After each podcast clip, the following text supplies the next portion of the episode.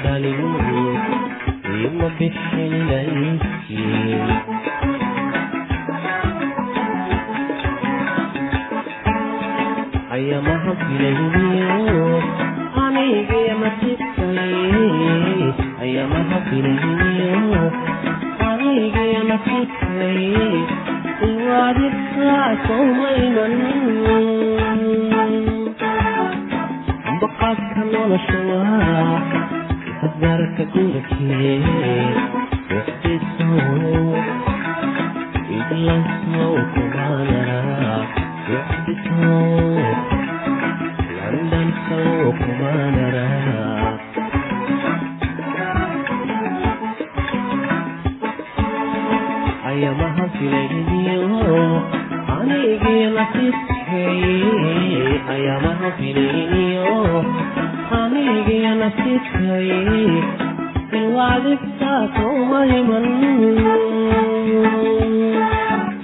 ambaqaadka noloshuwa itafarata gurigee socdisow iglasow kumanara socdisow landasow kumanara soodorabkani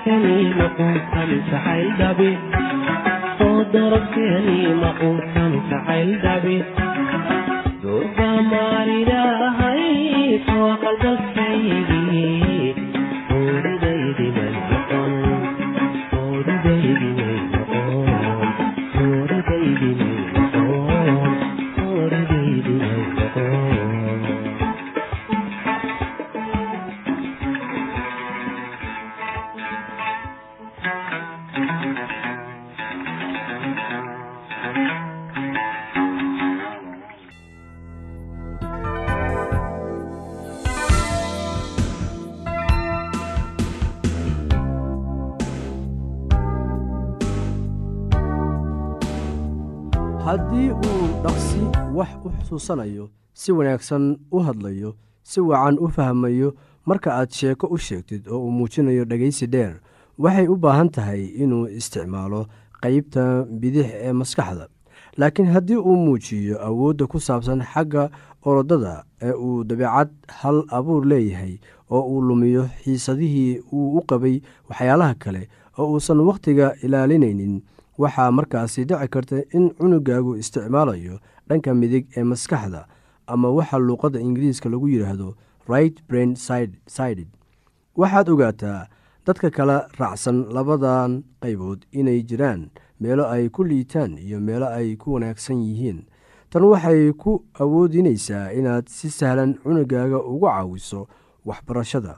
Waa run in carruurta isticmaasha dhanka bidix ee maskaxda ay ku liitaan xagga orodada iyo casharada ku saabsan farshaxanimada carruurta isticmaasha dhanka midig waxa ay la xarbinayaan barashada luuqadda afka ingiriiska iyo akhrinta. Aad ayay u dhibaysaa oo way ku adag tahay inay xifdaan qaybaha yaryar ee gabay ah haddii loo dhiibo. Si sahlan ayayna u qalbi jabayaan. Waxaad isticmaali kartaa buundada loogu yeero luuqadda si aad carruurta ugu caawiso inay isticmaalaan kulli labada qaybood ee maskaxda dhanka midig iyo dhanka bidixba. La soco waxay ku dhagaysanayaan iyaga oo isticmaalaya dhanka bidix ee maskaxda. Waxaanay arkayaan inaad hadlaysid adiga oo isticmaalaya qeybta midig ee maskaxda. Sheekooyinka loo sheega carruurta ayaa waxay yihiin kuwo isku xira dhanka midig iyo dhanka bidix ee maskaxda.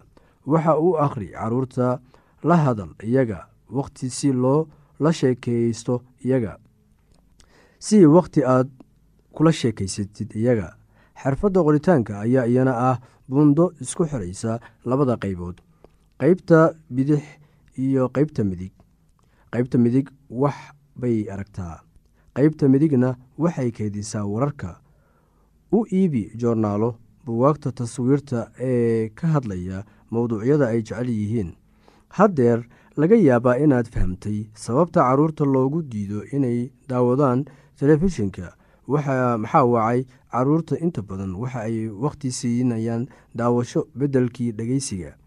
Haddii aad yaraysataan daawashada telefishinka haddii aad yaraysaan daawashada telefishinka waxaad helaysaan wakhti aad ku wada hadashaan oo aad waxyaalo badan isla wada samaysaan haddii carruurtaadu weli yaryar yihiin yaree cadadka iyo wakhtiga ay ku cayaarayaan bolomboolada bolomboolooyinka caadiga ah ee fudud ayaa waxay cunuga ka yeeli karaan inuu yeeshto hal abuurnimo.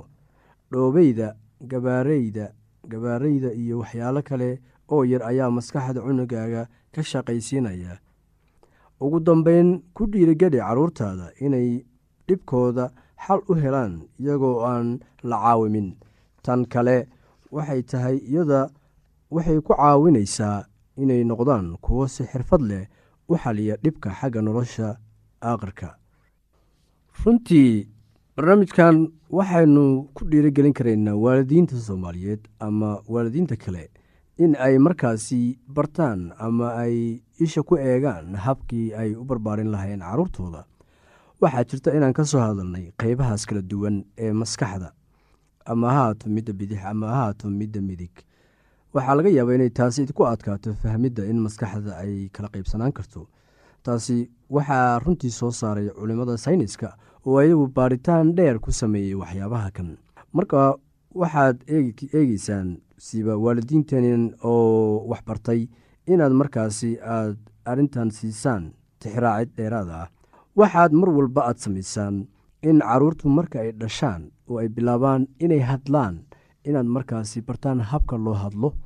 Marka ilmuhu bartaan habka loo hadlo waxay markaasi isku dayeen waxyaabo badan ay markaasi indhaha aada uga eegaan ama ha noqoto sida ay markaasi u dhageystaan waalidkooda sidaay u kala saaraan hadalka ama hadallada xunxun ama kuwa wanaagsan intaba runtii waxaa wanaagsan xataa in markaasi markay caruurtu ka soo laabtaan iskuullada ama dugsiyada in waalidiintu habeenkii ay eegaan fiidkii intaysan seexan waxyaabihii ay soo barteen ayagoo markaa dib u baaraya buwaagtooda taasina waxay ku caawinaysaa in caruurtu ay markaasi bartaan waxyaabo fara badan oo markaasi aysan ka helin iskuulka.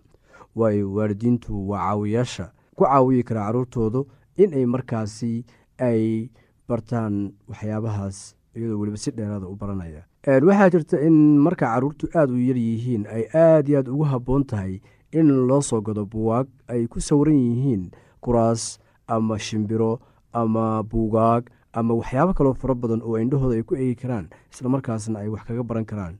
Iyagoo markaasi la barayo magacyada iyo waxyaabaha midabada meesha ku yaalla maskaxda carruurta ayay aada u furtaa isla markaasna carruurta ayay waxay ku caawisaa inay markaasi si sahla ay ku bartaan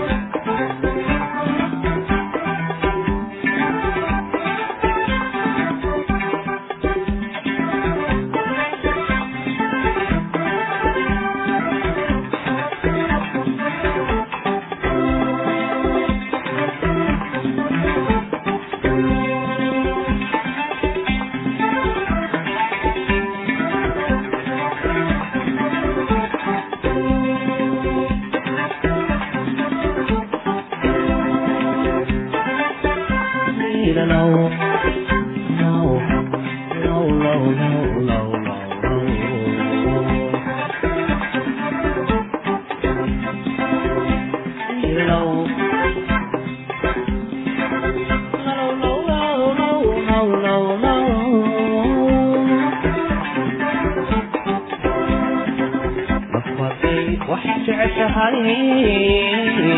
in mugla dogarahay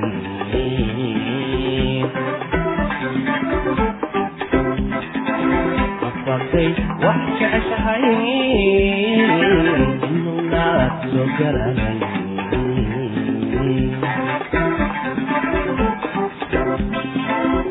hadidinku necebtihiin hadidinku yihiin nabaalka hadalkiyo hadalkiyo nasoo mari nabaalka hadalkiyo hadalkiyo nasoo marta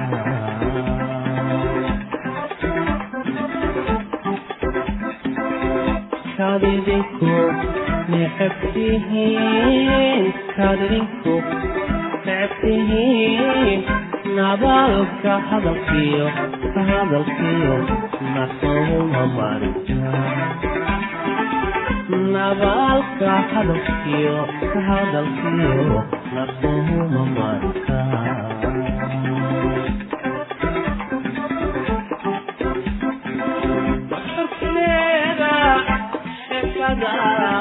u soo noqon dibhaygu soo noqon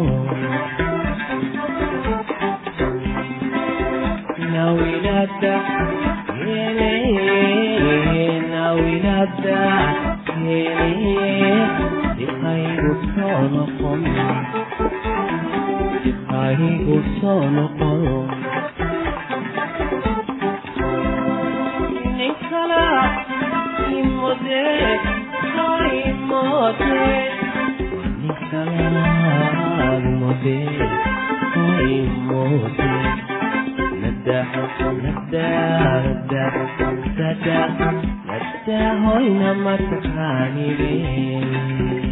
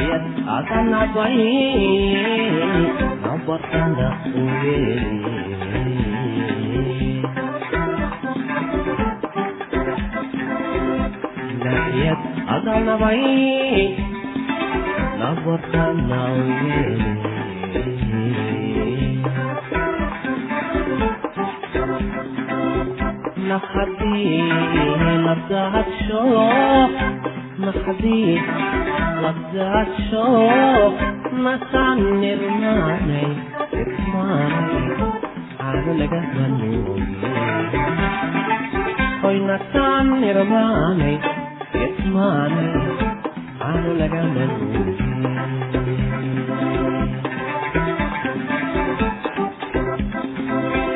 Nakhati Ladat sho Nakhati Ladat sho Masaan nirmaanay Idmaanay Aanu lagaman Alla masaan irmaanay Irmaanay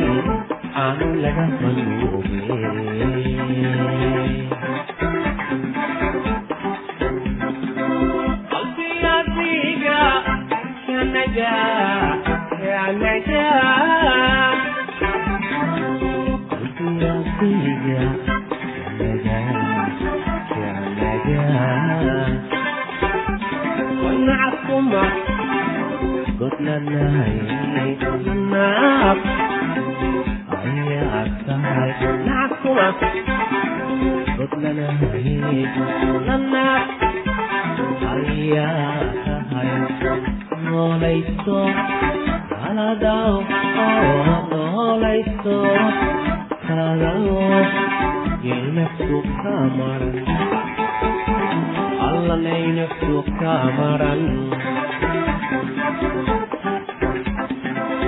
نوليسو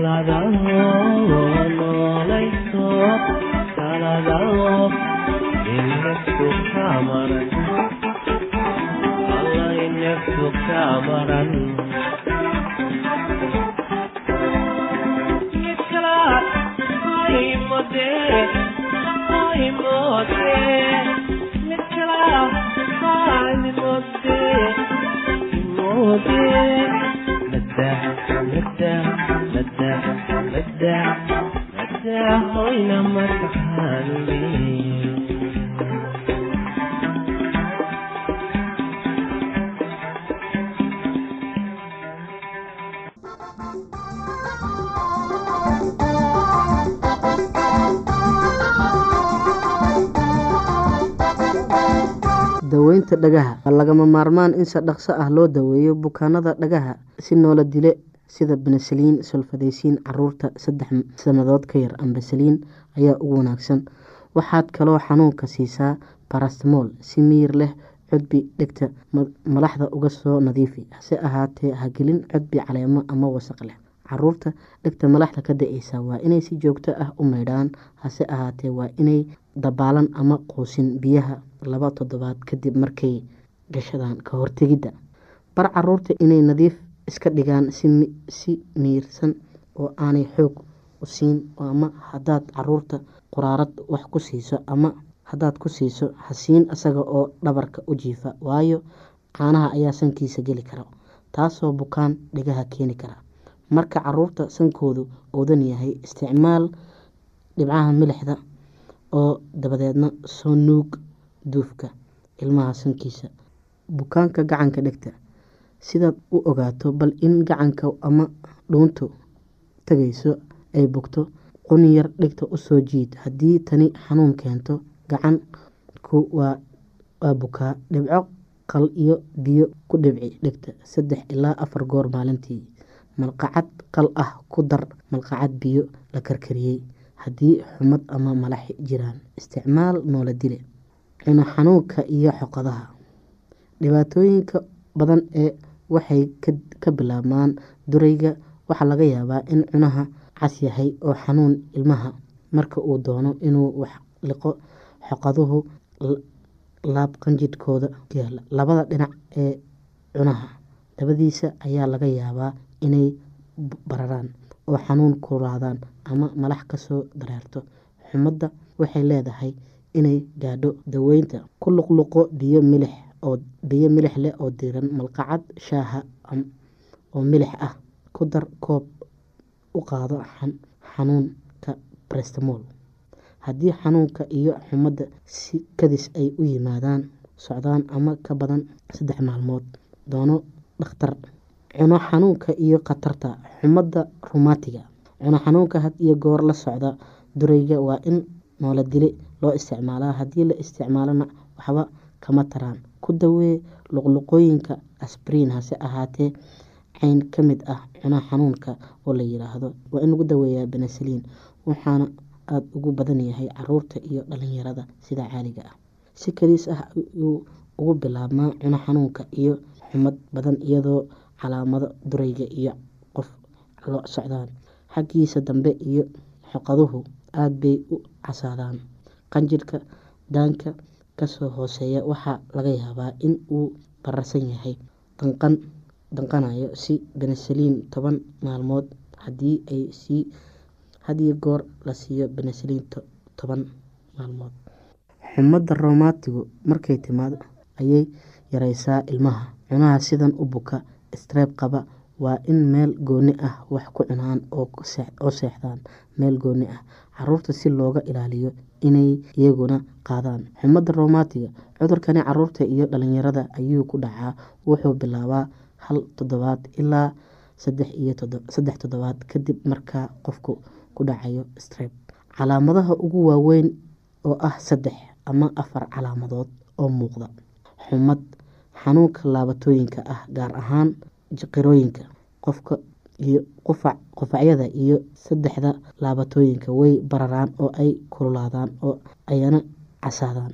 Xariijimo goolaaba ama meelo soo buuran oo diirka hoostiisa ah. Kuwa aada u xun waxaa jira itaal darro hinraag iyo wadno xanuun. Dhageystayaasheena qiimaha iyo qadarinta leh waxaa halkaa noogu dhammaaday barnaamijkii caafimaadka. Waa shiina oo idin leh caafimaad wacan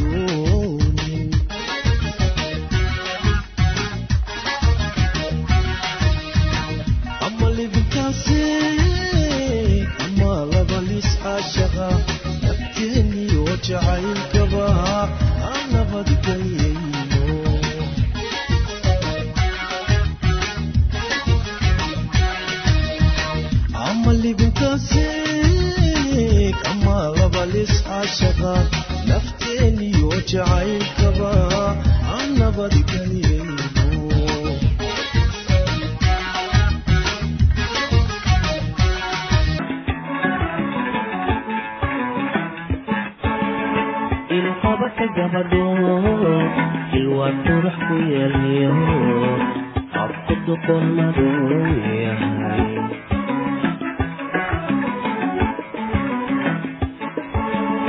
inu qabaka gabadho inka dabaka yaliyo abku duqon madow yahay